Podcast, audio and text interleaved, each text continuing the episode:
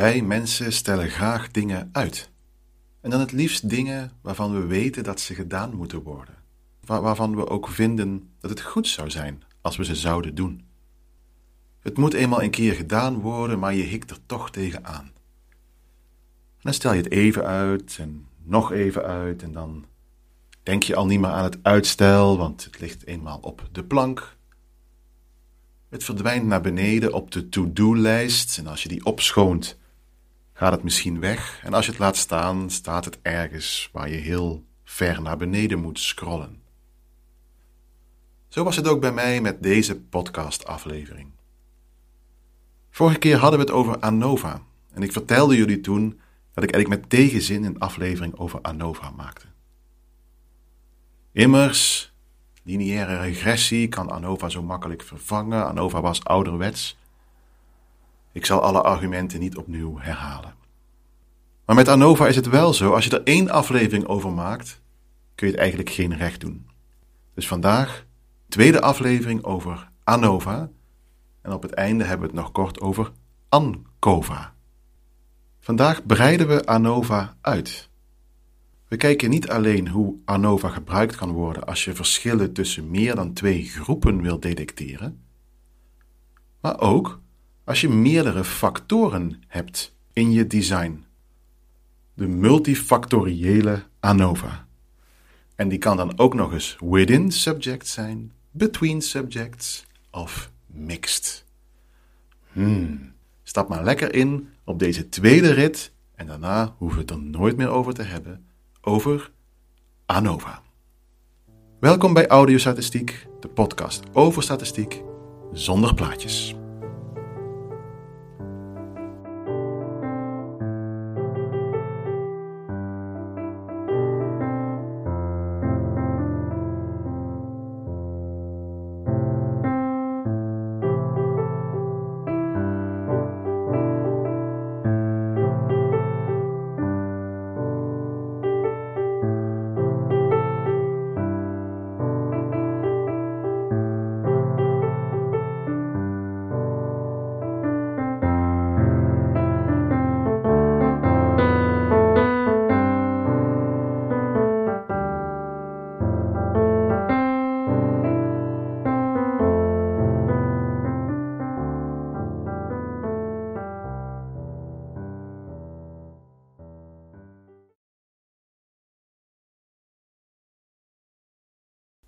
Vorige keer zei ik dat we ANOVA gebruiken als we meer dan twee groepen gemeten hebben.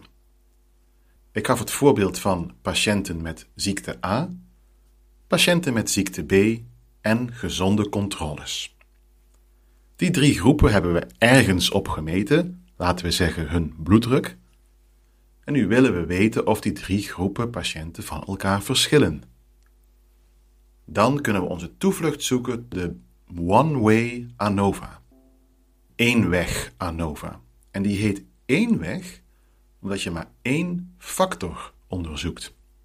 Die factor is hier groep.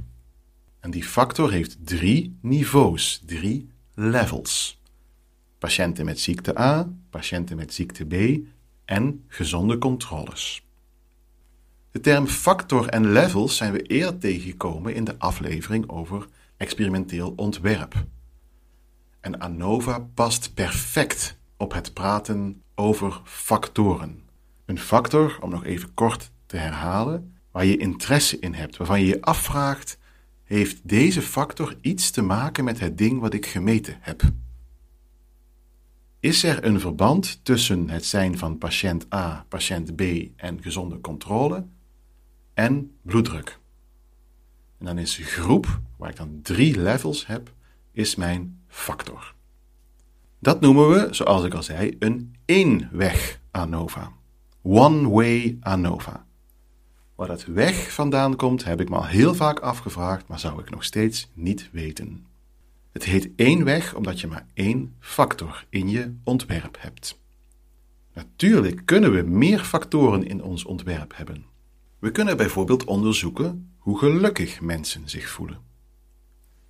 Dat is dan onze afhankelijke variabele, het ding wat we meten. We bevragen mensen over hun geluk. In het experiment dat ik nu ga voorstellen, wil ik weten of twee dingen samenhangen met hoe gelukkig mensen zich voelen. Namelijk, namelijk of mensen sporten of niet, en of mensen hun eigen woonplaats hebben kunnen kiezen of niet. Hoe ik precies bij deze twee factoren kom, laat ik even in het midden. Het gaat me om het voorbeeld te geven dat we hier twee factoren hebben. Namelijk, sporten mensen, ja of nee? En hebben ze hun eigen woonplaats kunnen kiezen, ja of nee? Hebben ze kunnen kiezen waar ze willen wonen, of zijn ze ergens gaan wonen omdat daar nou eenmaal hun werk was, of dat ze daar nou eenmaal een partner leerden kennen? Van die twee dingen denk ik dat ze een verband hebben, of dat wil ik tenminste onderzoeken, met hoe gelukkig iemand zich voelt. Dit is een factorieel design, omdat de twee factoren waar we in geïnteresseerd zijn, namelijk sporten en of je je eigen woonplaats hebt kunnen kiezen, bestaan uit elk twee niveaus. Het is ja of nee. Het is een factorieel design waar we het ook al over gehad hebben in aflevering 14. Als je twee factoren hebt met twee niveaus elk, dan heb je vier mogelijke combinaties. Er zijn mensen die sporten en hun eigen woonplaats hebben kunnen kiezen. Je hebt mensen die sporten en niet hun eigen woonplaats hebben kunnen kiezen. Je hebt mensen die niet sporten, maar wel hun eigen woonplaats hebben gekozen. En je hebt mensen die niet sporten en ook niet hun eigen woonplaats hebben gekozen. Als we dit gaan analyseren, kunnen we dat doen met een tweeweg ANOVA. Two-way ANOVA. En dat tweeweg, dat komt omdat je twee factoren hebt. ANOVA's kunnen op nog een andere manier verschillen van elkaar. Je kunt verschillende groepen mensen hebben, zoals in de voorbeelden die ik tot nu toe gegeven heb. Bijvoorbeeld, als je drie patiëntengroepen met elkaar vergelijkt, zitten in elke groep verschillende mensen. Dit noemen we een between subjects design. Je maakt een vergelijking tussen proefpersonen.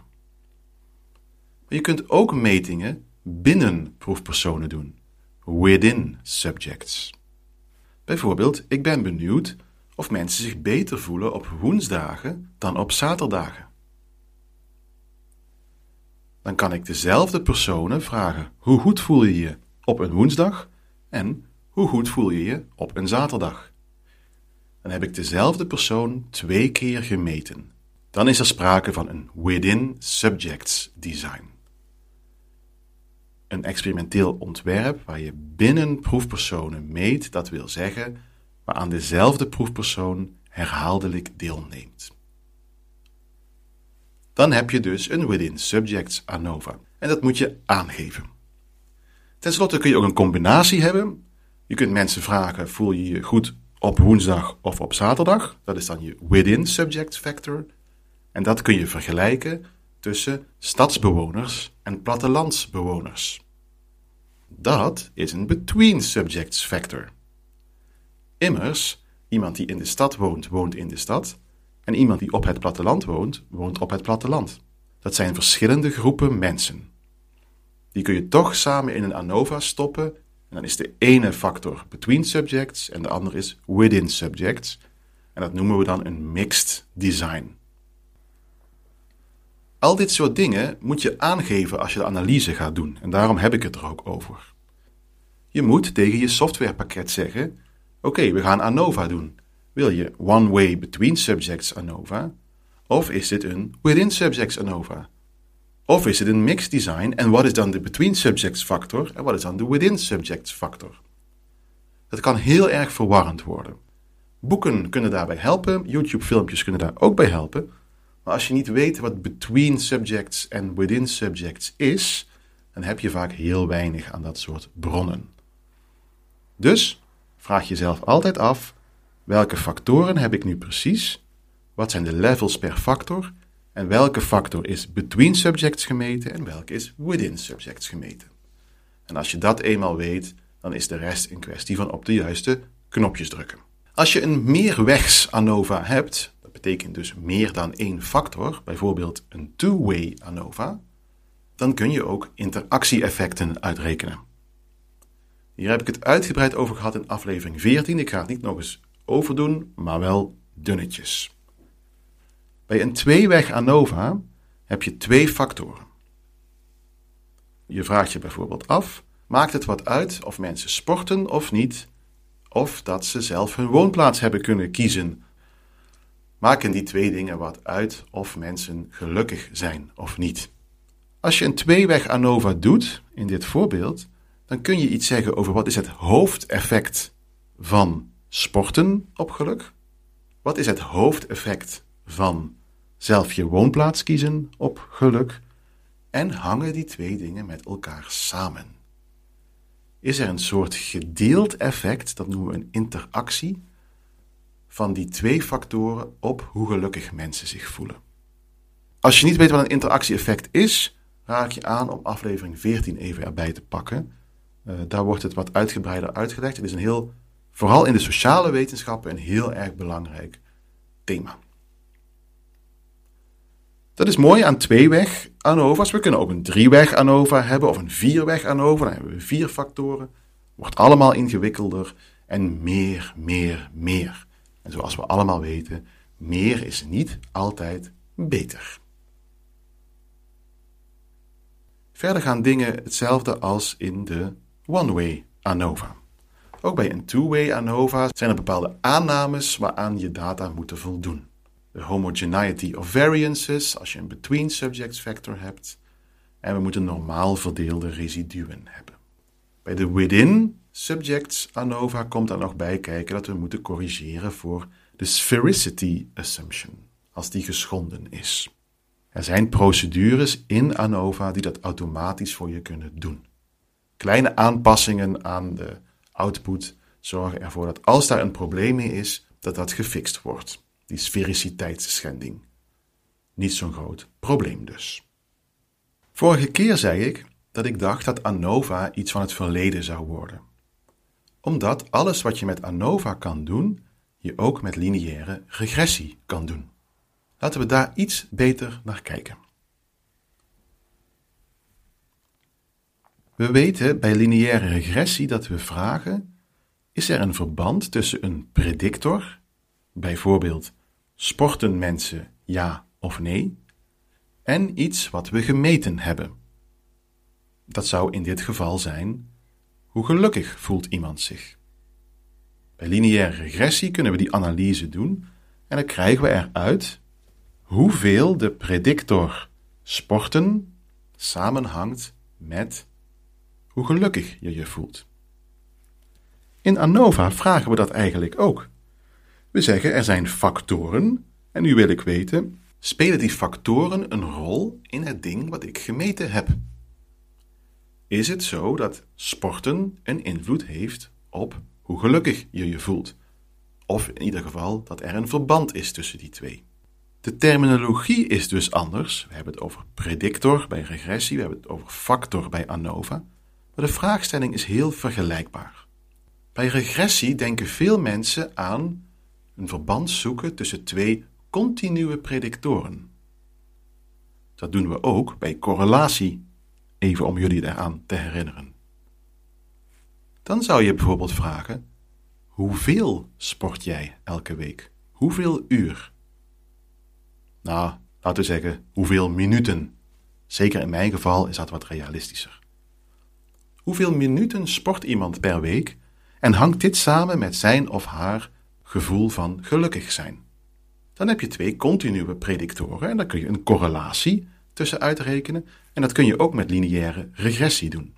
Het punt is nu dat als ik die predictor categorisch maak, waarbij ik zeg mensen sporten wel of niet, ik vraag niet hoeveel minuten, ik deel mensen gewoon in.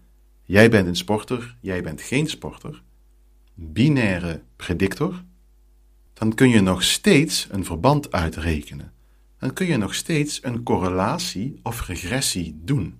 In plaats van dat je de mate van geluk correleert met elk cijfer op hoeveel minuten sport je per week, correleer je dan de mate van geluk met een rij eentjes en tweetjes.